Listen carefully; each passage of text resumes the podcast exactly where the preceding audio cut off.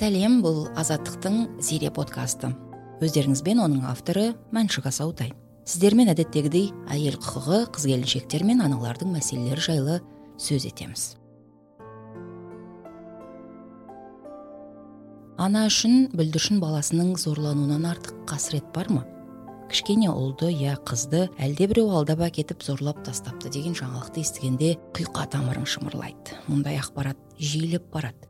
Тіпті қоғамның еті үйреніп кеткендей. Осындай ақпаратты естігенде талдырмаш баланың жай күйін бір ойлайсың ол дегенде жүрегі езілетін анасының халін тағы ойлайсың. Бұл эпизодта сексуалдық зорлыққа ұшыраған баласына араша сұраған анамен сұхбаттасамыз. Баласының құқығын қорғап кінәлілерді заң алдында жауапқа тартуды көздеген ананың мұңы мен ауыр жағдайға ұшыраған баланың халі жайлы айтамыз. Сонымен бүгінгі подкастымызға 14 жастағы қызы зорлық көріп бір жылдан бері істі сотқа жеткізе алмаған ананың шақырған едім. Соңғы бір жылда ай сайынғы сот медициналық сараптамалар зорлаған азаматпен кездесулер тергеу барысындағы бітпейтін сұрақ жауаптардан қызының психикалық жағдайы күрт нашарлаған тіпті суицидке бармақ болған. Тергеуден шаршаған қыз қазір қылмыскер жазалануы мүмкін дегенге мүлде сенбейтін болған. Бұл жағдайды айтқысы да келмейді еске алғысы да келмейді дегенмен анасы баласы үшін тоқтамауға бел буған. Жасөспірімге ауыр болмасын деп оның анасының да өзінің де есімін атамауды жөн көрдік. Екі мың жиырма екінші жылдың маусым айында мен өзімнің жұмыстарыммен тараз қаласына келдім. Өзімнің жасөспірім қызым болғандықтан он төрт жасар оны алып жүргенді дұрыс көремін әрқашан. Тараз қаласында ол қызбен бірге оқитын ә, алтынай деген өзінің класстасы тұрады. Сол қыз үйіне қонаққа шақырды. Алтынай интернатта тұрып жатқан бала демалыста үйімде жүріп маған қандай да бір қауіпті деп көрінбеді оның өзінде қадағалап отырдым. Видеозвонокпен қыздардың жүргенін көріп тұрдым. Олар бірге жиналады да алтынай айтады. Менің жақсы сенімді достарым бар ағам сияқты. Соған кешке барайық деп туған күн кешіне. Ә, соныменен енді бала келген кезде алтынайдың өзі бармай қалады. Сөйтеді да өзінің әпкесімен жібереді. Нұрай деген қызбен сен бара қойыңдар деп. Сонымен менің қызым барғысы келмейді алтынайға сен бармасаң мен не үшін барамын десе ой жоқ сен барып қайт таразға бірінші рет келіп тұрсың адамдар күшті керемет деп. Ол кеште мерей деген жиырма жасар қыз қызым айтады сен ештемені уайымдама мен саған қарайласам қасыңда жүремін ештемеден қорықпай отыра бер деп. Сонымен тып тыныш отырған балаға диванда отырған кезде санжар деген жігіт қасына келеді да танысады жиырма жасар жігіт. Менің айта кетерім ол үлкен денелі қыз емес. Өзінің жасына сәйкес кішкентай ғана бөпе кәдімгі.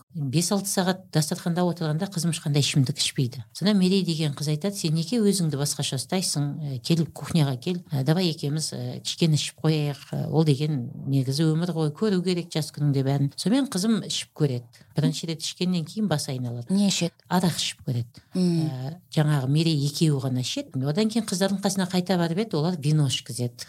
Вино ішіп көр деп. Сонымен аяқ қолы ұстамайды қыздың. Аяқ қолым ұстамайды басым айналды. Енді мен сұраймын ғой мерей қайда болды қал деген. Олардың барлығы есіктерді жауып отырып алды. Мен сияқты жас қыздар көп болды он төрт он бес жасар. Олардың көбісі жылап жатты әр бөлмеде есікті жауып алып отырды. Менің баратын жерім жоқ болған соң жаңа санжар айтты дейді. Мен мына жерге төсек салып беремін саған. Сен жатып демал ауырып тұрған сияқтысың деп. Ә, сонымен басқа жігіт келіп төсек салып береді. Мына жерге жата ғой дейді. Сөйтіп өзі кетіп бара жатқан ұқсайды да есікті құлыптап алады да қызымды зорлайды. Қызым жылайды менің жасым он бесте. Мен әлі қызбын маған тиіспе деп. Сонда санжардың айтқаны аузыңды жауып үндемей жат заткнись и молчи ты не девочка тебе восемнадцать лет жаңағы сөзді қайталай береді. Сонымен ешқандай сөйлей алмай да қалдым дейді. Тек қана кеудешеме жабыса бердім жабыса бердім ал өзінің ісін істеп қызымды зорлап тастаған. Менің басымдағы жалғыз ойым дейді мен қазір айқайласам төбелессем болып жатқан жағдай ең қорқынышты емес сияқты болып көрінді дейді. Мен ойлап жаттым дейді. Мен қай жерге келдім кімнің арасында жүрмін мен қалай шығамын мына жерден? Мен вообще айқайлауға шамам келген жоқ мен ештеме істей алмадым әлім болмады дейді. Қорқып кеткен сол уақытта сол уақытта біреу қатты тарсылдатып бір нәрсе айқай шу шыққан сол есікті тақылдатқан сол кезде қызым тез тез жиналады да қашып кетеді. Қашып кетіп туалеттен алтынайға звондайды. Маған осындай болып қалды. Мені мына жерден алып кет десе қоя тұр ештеме болған жоқ кішкене тоқтай тұр шуламай тұра тұр деген зорлаған жоқ шығар. Не бала екенін көрсетші бәрі нормально негізі бұндайменен бәріміз айналысамыз деген сияқты әңгімелер. Демек оның айтқысы келгені ненормальный сенсің негізі болып жатқан жағдың бәрі нормаль нормальный зат деп. Соңында қызға үлкен қыздар әңгіме айтқан. Сен санжарға тиіспей тыныш жүр оның өзінің қалыңдығы бар. Ол сен сияқты бұзылған қыз емес. Еще ақыл айтып кәдімгі жұмыс жүргізген ана баламен. Сонымен бұл бала уже кішкене есін жиғаннан кейін таңертең кетіп қалған. Зорлаған бала мен звондап жағдайды айтып бер маған дегенде әпке біз бұндай кешті бірінші рет ұйымдастырып тұрған жоқпыз. Жасөспірімдердің бәріне біз айттық қой қорқатындарың кетіңдер кому слабо уходите. А кто остался сам виноват дедік демек бұл кәдімгі жиырма жасар ұл қыздардың ойыны. Сондай кеш ұйымдастырып менің қызым сияқты аңқау қыздарды алып келу. Сіздің қызыңыз жаңағы санжардың айтып отырған нәрсесін естіді ма иә негізі ана гостевой дом администраторы бар үлкен кісі. Кіргізе берген жасөспірімдерді кетуін де қадағаламаған ештемені. Айқай шу жылаулар кеш бойы болған. Оның бәрін елемеген ешқайсысы да. Демек ол не первый раз болып тұр деп тұр оның үстіне. Көрдіңіз ба сонда менің қызым жаңағы вечеринкаға астанадан келіп кіріп кеткенін өзі байқамай қалды қалай ойыншық болып кеткенін. Содан кейін ол қыз айтуға қорқады. Ертесі таңертең кейін сізге айтқан ертесіне ештеме айтпады. Келіп жатып қалды ұйықтап. Мен де еске қоймаппын оның үстіне сол күні қызым босанамын деп айқай шу шығарғаннан кейін толғағым келіп қалды деп. Үлкен қызыңыз. үлкен қызыммен айналып кеттім. Содан кейін сол үлкен қыз толғағы ай толғақ болды да телефонын қарап қалса жаңағы зорлаған жігіт өзі жазыпты. Жағдайың қалай? Ауырып тұрған жоқсың ба? Мен сенің қыз екеніңді білмей қалдым. бірақ сен қыз емес сияқтысың. Сен ешкімге айтпа мен саған ақша берейін. Кімнің аузын жабу керек болса маған айт өзім жабамын демек оның ойы ары қарай қызды айналдырмақшы да. Зорлауға да қарсы емес ары қарай шақыруға да қарсы емес. Соны үлкен қызым көріп қалады да бәрін маған айтып береді. Мен ізін суытпастан тараз қаласына заводской ровд дегенге бардым. Барып кірейін деп тұрсам есіктің аузынан сіз қандай мәселемен келдіңіз? деп санжар деген жас жігіт шығарып алып оперуполномоченный әпке біздің қаладан емес екенсіз қазір сіз заявление жазатын болсаңыз алты ай бір жылға дейін осы қалада тұруыңыз керексіз. Оның үстіне сіз білесіз ба он педофилдің тоғызын өтірік жала жапқан педофилдар. Олардың бәрі кінәлі емес деген кезде мен түсіндім а мені бұл жерге кіргізбейді екен бала педофилға жала жапты деген әңгімеден мен кіре алмайтынымды түсіндім да жүгіріп сол жақтан іздеп тауып смойға бардым сот медицина сараптама орталығына түсінікті өзім де ол салада жұмыс жасағаннан мен білдім постановлениесіз экспертизаны өтпейтінімді содан кейін бардым да директорына. Өтініш мен де сіздің салада жұмыс жасағанмын мен уақыт жоғалтпауым керек платно болса да мен жасайын. Өйткені уақыт жоғалса мен қазір дәлелдей алмай қаламын деп едім қай жақта жұмыс жасасаңыз да сіз ол қағазды алып алып не істемекшісіз? Ол қағаз еш жаққа жарамайтынын білмейсіз ба? Басымды қатырмай постановление әкеліңіз да барыңыз деді. Постановление бермейді өйткені нақты айтты. Әкпе бізге санжардың нөмірін беріңіз. Біз өзіміз онымен айналысамыз. Сіз заявление жазбаңыз понедельник күні келіңіз бәрін шешіп береміз. Қалай шешпек ойлар бар екенін түсінбестен психолог іздей бастадым. Өйткені қызымның жағдайын нашар екенін көріп тұрдым. Психолог айтты сіз сіздер қазір соңына дейін жеткеннің өзінде ешқандай да жақсылыққа жетпейсіздер. Сондықтан баланы ойласаңыз медиациямен бітіріңіз деді. Мхм. Өзара келісіп өзара келісіммен бітіріңіз деді. Есіме түскен ақтөбеде танысқан медиатор кісінің телефонына хабарласып айтып беріп едім. Ол кісі айтты жақсылап қарамасаң қыз балаға менің қызым сондай зорлықтан кейін өз өзіне қол жұмсап өлген жақсылап қара деп. Сонда ол кісінің он үш жасында қайтыс болып кеткен екен қызы өзінің ашуымен арғы жақтан он миллион теңге сұрапты. Оны менімен келіспеген. Ә, содан кейін сұрап болғаннан кейін маған ватсапқа жазып тұр. Мен оларға он миллион теңге бересіңдер деп айттым деп мен шошынып кеттім ойбай деп. Өйткені қалай баланың сен жағдайын ақшамен өлшеу деген менің ойыма келген жоқ ол. Яғни медиатор сіздің атыңыздан? менің атымнан он миллион теңге оның шешесінен сұраған. Баланың әкесі қазақ болғанымен шешесі өсірген әжесі орыс. Үм. бала өзі орысша тәрбиеленген ештемені наглость дейді ғой иә. ұрып тұрған бала. Ә, сол үшін ә, ананы естіген кезде ақшамен өлшеген дұрыс болмайды ау деп едім мен медиация деген сол ғой деді. Сосын ойладым а тағы да мен қателесіппін бірақ енді не істерімді білместен біз қайттық. Тараздан қайттық астанаға келдік. Сол кезде ғана не молчи деген топтың бар екенін естідім. Ә, сол кісіге хабарласып бәрін айтып едім. Бір минут та жоғалтпай таңертең тұрыңыздар да по месту жительства барыңыз заявление жазыңыз деді. Бардық жаздық сол күні экспертиза тағайындады. Ол қанша күн өтіп кеткеннен кейін ол болды? он сегізі күні болды. Біз бір күн өттік экспертизадан. Почти он екі күн өтіп он кетті екі күндей өтіп кетті. Эксперт ә, мені кіргізді смотровой кабинетке. Сосын баланың ә, жарақатын көрсетті. Міне үш повреждение тұр. Үшеуі де әлі розовый. Енді енді енді жас қой бала. Жазылып келе жатыр деп. Мен көрдім өз көзіммен көрдім. Сонымен тынышталып ойладым а болды наконец то енді астана болған соң бәрі дұрыс болады деп. Бір айдан кейін эксперттің қорытындысы давность невозможно установить. Деп менің берді. өзімнің бетіме көрсетіп міне повреждение салынған міне уже жазылып келе жатыр міне розовый болып тұрған сол деген адам заключениені давность повреждений невозможно установить деп берген. Ол дегеніңіз болды. Бір жыл бұрын ба жарты жыл бұрын ба деген әңгіме болды. Соныменен ә, тараз қаласына қайта бардық экспертиза қайта тағайындады нет повреждений деді. А мен әрине астанадағыныкini көріп тұрмын бар екенін. Оның барлығы оперуполномоченныйдың көзінше айтылды. Ертесіне біз қайтадан келіңіздер деді қайтадан комиссионный қараймыз деген соң. Келіп едім жаңа санжар деген оперпол қайта звондады. Әпке қай жердесіз деп экспертизадамын деп едім жарты сағат өтпестен бүкіл жігіттің туысқандары келді. Келіп бәрі жамырап біздің қасымызға жүгіріп келіп ағасы келіп сіздерде повреждение жоқ қой оны неменеге жазып жатыр заявление заявлениеңізді алып кетіңіз жан жақтан көптеген адам екеумізді бас салған кезде қызым шошығаннан кәдімгі ағаштардың арасына кіріп кетіп күшік құсап ыңсылдап отырып қалды. Сол кезде мен қатты айқайладым. Санжар мына адамдарыңды ал бізден. Бала түгіл менің денеме тиіспесін ешкім ұстамаңдар жақындамаңдар балаға. Мен сені соттатамын деген кезде ғана санжар қойыңдар деген тапсырма берді. Содан кейін ана кісілер кішкене басылды. Сонымен біз кетіп қалдық. Әрбір жасаған қадамымыз бір қиындықпен өтіп жатты қайта қайта қиындықпен. Әр адамның қасына келесің. Ох уж эти дети ох уж они виноваты они виноваты дегенді миымызға құя берді. Постоянно қызыңыз да кінәлі начнем с того что ваш ребенок не ангелочек. Қайта қайта соны айта берді айта берді а менің ешкімменен күресіп ешкімге дәлелдейтін желаниям да болған жоқ. Ары қарай не болады екен соны көрейін деген. Сіз арыз жаздыңыз істі қандай бап бойынша тіркеді? Арыз жаздым. Негізі жүз жиырмасыншы деді ғой деймін ол іс әлі тергеліп жатыр ма? тергеліп жатыр тоқталған иә. жоқ, иә? тоқтаған жоқ жоқ тоқтаған жоқ. Сізге мынау айыпталушы тараптан кешірім сұрап келгендер болды ма? Да мен сізге жаңағы айтқан барлығы қосылып жамырап балам ағаштың арасына кіріп кеткен сол кезде болды иә. Кешірімнің түрі сол. Кешірімнің түрі сол болды иә. Содан кейін мен түсіндіріп айттым ешқандай ақшамен ештемемен жабылатын зат емес бұл. Өйткені қашан бала кішкене болса да жеңілдейді. Өзін ренжіткен адам жазасын алғанда ғана. Басқаша вариант жоқ бұл жерде. Біз қазір ана ретінде сіздің күресіңізді айтып жатырмыз да қызыңыздың жайы қалай? Қызыңыз ол кезде 14 жаста болды иә? Иә қызыңыз сізге айта алды ма өзі не болғанын? Жоқ айта алмады. Қызым тек жылай берді. Жазған жазудан басқа біз ештеме таба алмадық. Ол тек жылай берді жылай берді. Содан кейін ақырындап кейін үш төрт күн өткеннен кейін ақырындап жаймен жаймен жаймен жаңа мен сіздерге айтып кеткен ана кеште не болғанын бәрін жаймен жаймен жаймен шығарып отырдым.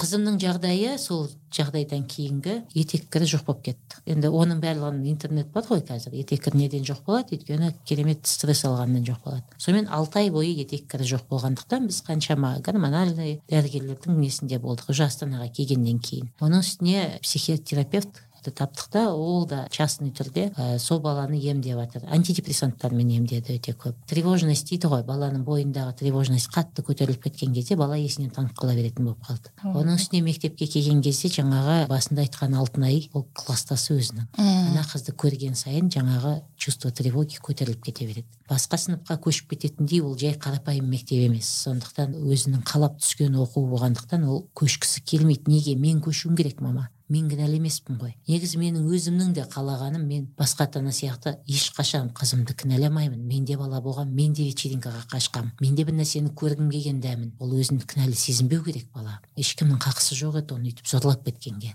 Сонда көрдіңіз ба ана чувство тревогидан бала қайта қайта есінен танып басын жарақаттай берді. Сонда біздің психотерапевттің үйреткені ана сезім көтерілген кезде сен балшық болсын шалшық болсын қай жер болса сол жерге сен отыра қал. Отырып қалмасаң сен бассыз қаласың. Сонда қаншама травма алдық. Мен бір нәрсе біреуден көмек сұрап тұрған жоқпын. Баланың бүгінгі жағдайын бағасын беру керек қой қаншалықты қиналып жүргенін баланы. Бала ұйықтай алмайды. Күнделікті көретін түсі күнделікті көретін түсі. Артынан біреу қуып жүреді. Мам мен қашып кірем сіз есікті жауып жатасыз да жауып үлгермейсіз. Одан кейін ашасыз да біреуменен төбелескіңіз келеді. А олар кіріп кетеді. Мен ол адамның беті көз алдымнан кетпейді дейді. Күнде таңертең тұрғанда күрсініп тұрады балам. Енді қараңызшы бұл қаншалықты қоғамның мәселесі. Баланың бұндай жағдайға түскені тек қана сол жағдай емес. Спект өткен кезде психологический экспертизаны. Эксперт мені шығарып жіберді да кабинеттен баланы алып қалып 15-20 минуттың ішінде балам шыққан кезде бала өмір сүргісі келмей шықты.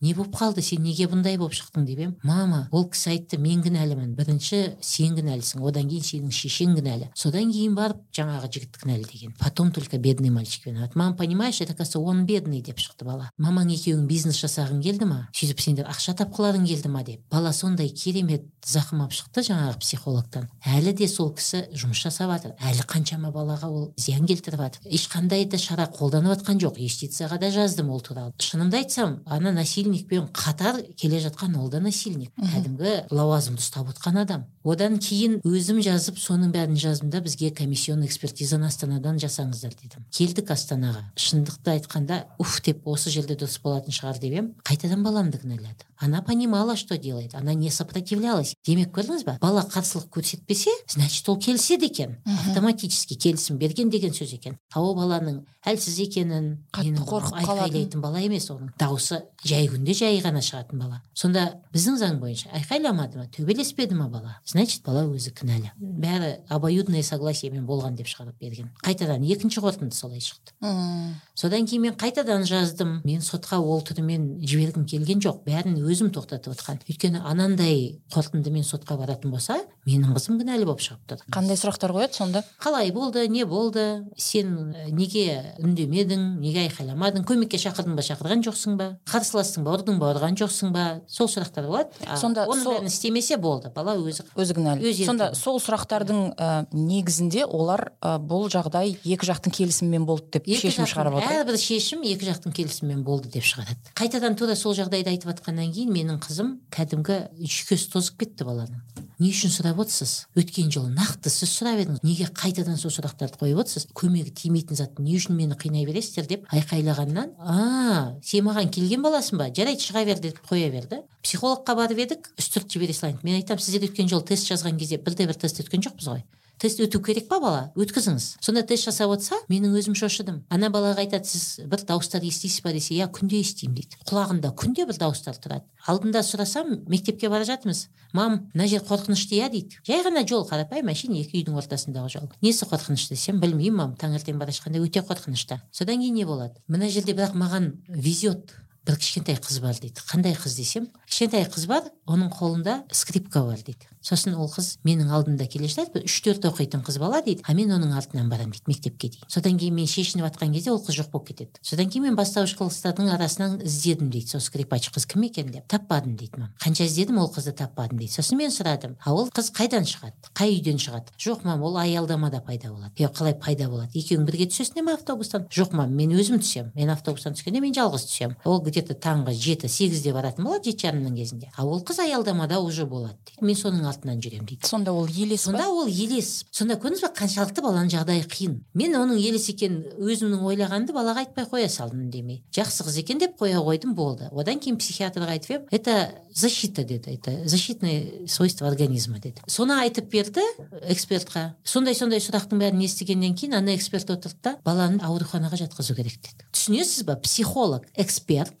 кәдімгі астанадағы біз сеніп келіп отқан эксперт баланың көзінше сіздерге больницаға жатып емделу керек деді. Сонда он бес жасар бала түсінбейді деп ойлады ма? Шыққаннан кейін мама сіз не көздеп жүрсіз? Бұлардың бәрі мені психушкаға жатқызып қойсын деп жүрсіз ба? деді. Эксперттердің жұмысы баланың жағдайын бағалау жазып бер. А олар не істеп отыр? Біресе ушықтырады біресе өлімге дейін жеткізеді. Ол одан кейін шыққаннан кейін айтады мама қазақстаның да бар болсын заңдары да бар болсын қоя қойшы. Бәрібір оны наказывать етпейді сонда қараңызшы қазір қалай болады? Бұл жағдай осы бойынша кетіп қалса бұл жалғыз менің балам деп қарамаңыздар бұл балаға. Бұл қазақстанның көрінісі. Қазір отыз бала аңдып отыр. Ана зорлаған баланың айналасында отыз бала бұл қызды аңдып отыр. Қасындағы класстасы бірінші күні менде даже переписка бар бірінші күні жазған. Шешең екеуің ауыздарыңды жабыңдар сен жалғызсың а біз бәріміз саған қарсымыз деп. Көріп тұрсыз ба отыз бала қазір мына бала жазалаудан қашып кетсе білгенін істейтін бала. Нәпсіні тек қана қатаң заң нәпсіні тоқтатады. Басқа жолы жоқ. Жақында болған жағдай автобуста келе жатыр қасында сымбат деген қызы бар. Бірге отыр. Қарама қарсы отырған еркек өзінің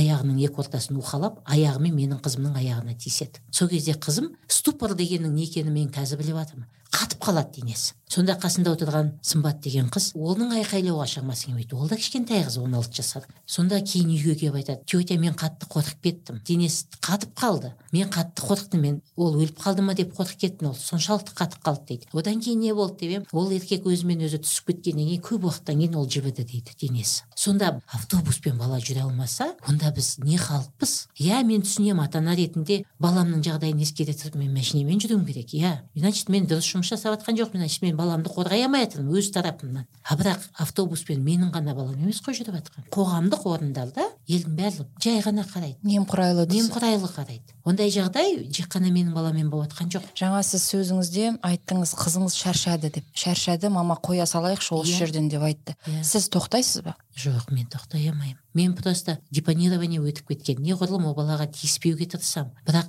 әрбір эксперт әрбір лауазымды ұстап отқан кісілер өз жұмысын атқармағандықтан біз қайта баруға мәжбүрлеп отыр да бізді қазір тағы да экспертиза дайын болады бір күні. Қайтадан ойларына келгенін жазып береді. Қайтадан баланың өзін кінәлайды. Мен қайтадан келіспеймін. Мен қайтадан соны тіреймін одан кейін қайтадан сол баланы қайтадан өткізу керек болады. Вот содан қорғай алмай отырмын. Біздің қатып қалған система баланың өзін кінәлай салған почему то жеңіл болып тұр енді басқа мемлекетпен мен ғана емес шығар салыстырып отқан мен ғана емес қой шетелге барып жүрген. Басқа мемлекетте иті мен мысығын қорғап отқан елдер біздің баламыздың құны не болды сонда? Не үшін біз педофилдарды не үшін қорғап жатырмыз? Мысалы біздің санжар ертең отбасы болған кезде ол санжардан кім туады? Ол кімді тәрбиелейді? Өзі сияқты педофилді тәрбиелейді. Оны неге аяйды? Ол баланы неге жауапкершіліктен алып қалғысы келеді? Не не береді ол қоғамға не береді ол. Сонда біздің фундамент педофилдар болу керек па? Аялап әлпештеп өсіріп мен сол балаларды ана қылып өсіріп отырмын ғой. Бар арманым сол еді ғой. Ол деген ұлттың анасы ғой. Ертеңгі күні бала тәрбиелейтін соның бәрін қарамаса кім қарайды? Қашан қарайды? Сізді тыңдап отырған тыңдармандар ата аналар сол кісілерге айтар ойыңыз болса айтар пікіріңіз болса мархабат себебі көп адам білет оны болып жатқан қоғамда бірақ ұмытып кетеді. Ал сіз сол оқиғамен күнде өмір сүріп жатсыз. Иә күнде. Күніміз басқа күн болып кетті. Өйткені балаң қуана білмесе айналадағы сабағын алып жүре алмаса арманы жоқ болып қалса ешқандай арманын қазақстанмен байланыстырамаса өте өкінішті. Әрине өз тарапынан қашып кетуі мүмкін. Бірақ қай елге барып біз көркейеміз. Қоғамның ең қорқынышты мәселесі балаға зорлық жасағандар деп ойлаймын егер шынында заңды қатаң қалмаса бәрі бесполезно. Педофилдар автобуста жүріп білгендерін істеп жатқан мемлекет кереметпіз деп айтудың қажеті жоқ.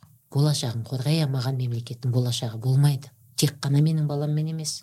Менің бәлкім айқайлап там шашы, шашын бояп алып өйтіп не қылып жүрген көзге түсетіндей қысқа киіп жүрген бала емес. Ол жай ғана қарапайым кішкене көзге көрінбейтін сұлу да емес. Жай ғана қарапайым кішкентай ғана қыз. Қазір сұрастыратын болсаңыздар әрбір қыз балаға біреудің тиіскені норма болып кеткен. Бұл деген сұмдық. Яғни құрметті тыңдарман егер сізге үйіңіздегі қызыңыз я балаңыз айтпаса ол проблема жоқ деген сөз емес. Сөз емес.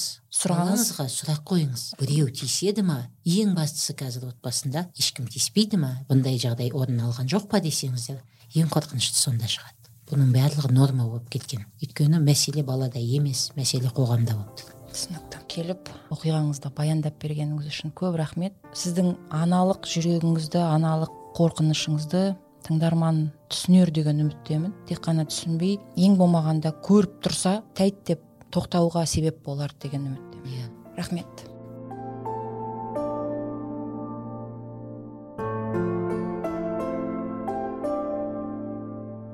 Қонағымыздың зорлық ісіндегі сот медициналық сараптаманың маңыздылығы жайлы қазақстанда соңғы жеті жылдан бері жұмыс істеп келе жатқан не молчи кизет ұйымының жетекшісі дина тансариде айтады. Оның сөзінше сараптама қорытындысы қылмыскерге тағайындалатын жаза іспеттес сараптама зорлық болды десе іс сотқа жетіп кінәлі адам жазасын алады. Ал зорлық болмады десе екеуі ара келісіммен болған жайт деген желеумен іс тоқтайды. Сөзінше баланы зорлау ісін тергеуден гөрі оны өтірік айтты я жала жапты деп істі тоқтату жеңілірек екен Начиная с 4 лет до 17 лет девочки проходят экспертизу без родителей. Их забирают и что с ними там делать неизвестно. Мы записали несколько таких экспертиз на диктофон. Ребенок заходит, находится там 10 минут, с ребенком разговаривают. Параллельно в этом же зале могут находиться осужденные в наручниках. В зале сидит несколько экспертов, их там может быть 5-6. Те задают какие-то вопросы, это длится буквально 2 минуты, потом ребенок уходит к другому эксперту, и при этом ребенок наблюдает за мужчинами в наручниках. Это знаете, какая травма для детей? Вы понимаете, да, что вы делаете? Он выходит весь трясется, плачет, ему страшно, где он был, что с ним делали. И после этого нам дают заключение экспертизы. По тестам э, эксперт определяет, что ПТСР нет. Экспертиза – это, по сути, приговор. То, что нам вынесли экспертизу, что у ребенка нет ПТСР, это уже означает, что был обоюдный секс. То есть они дело категорически по 122 статье оценивают, что 14-летняя девочка добровольно вступила в половой контакт с неизвестным ей мужчиной и э, не хотят переводить 121 статью. И это у нас повсеместно. Айта кетейік қазақстан қылмыстық кодексінде баланы зорлауға қатысты алты бап бар. Оларға сәйкес 16 жасқа толмаған баланы зорлаған я азғындық әрекет жасаған адам 15 жылға дейін бас бостандығынан айырылады. Статистика жылына орта есеппен 150 бала сексуалдық зорлыққа тап болатынын көрсетеді. Міне бұл статистика. Дегенмен сарапшылар шынайы жағдай бұдан әлдеқайда үрейлі екенін айтады. Баласы зорланғанын түрлі себеппен жасырып қалып жүргендер әлі де бар. Әңгімеміздің соңында мамандардың кеңесіне жүгінсек зорлықтың бетін әрі қылсын әрине бірақ балаға қай жағдайда ата ана қамқорлығы керек екенін естен шығармайық. Дер кезінде назар салып әрекет ету көп қиындықтың алдын алады. Жаңа қонағымыз атап өткендей бастысы баламызға уақыт тауып онымен сөйлесуді әдетке айналдырайық. Көңіл күйі мен мінез құлқына назар аударайық. Өзгеріс байқасаңыз сөгіп я кінәлаудың орнына оған жәрдемдесіңіз. Мәселені бірге шешуге тырысыңыз. Не жағдай болса да сіз онымен бірге екеніңізді айтыңыз. Ал егер күмән күдігіңіз күшейе түссе бәрі реттеледі деп күтпей үкіметтік емес ұйымдардан психолог мамандардан жәрдем сұраңыз. Полицияға да жүгінуден арланбаңыз жоғарыда атап кеткен не молчи kz ұйымына хабарласқаныңызды артық етпейді. Инстаграм фейсбук пен телеграм сияқты әлеуметтік желілерде ұйымның парақшасына жазсаңыз сізге білікті заңгерлер мен психологтардың көмегі көрсетіледі. Сіз жалғыз қалмайсыз. Осындай оймен бүгінгі подкастымызды аяқтауға рұқсат етіңіз тыңдарман балаларымыз. Жыламасын. Біз оларды қолдап олар бізді қуантып жүре берсін. Әдеттегідей бізді барлық подкаст платформалардан тыңдай аласыздар. Сау болыңыздар.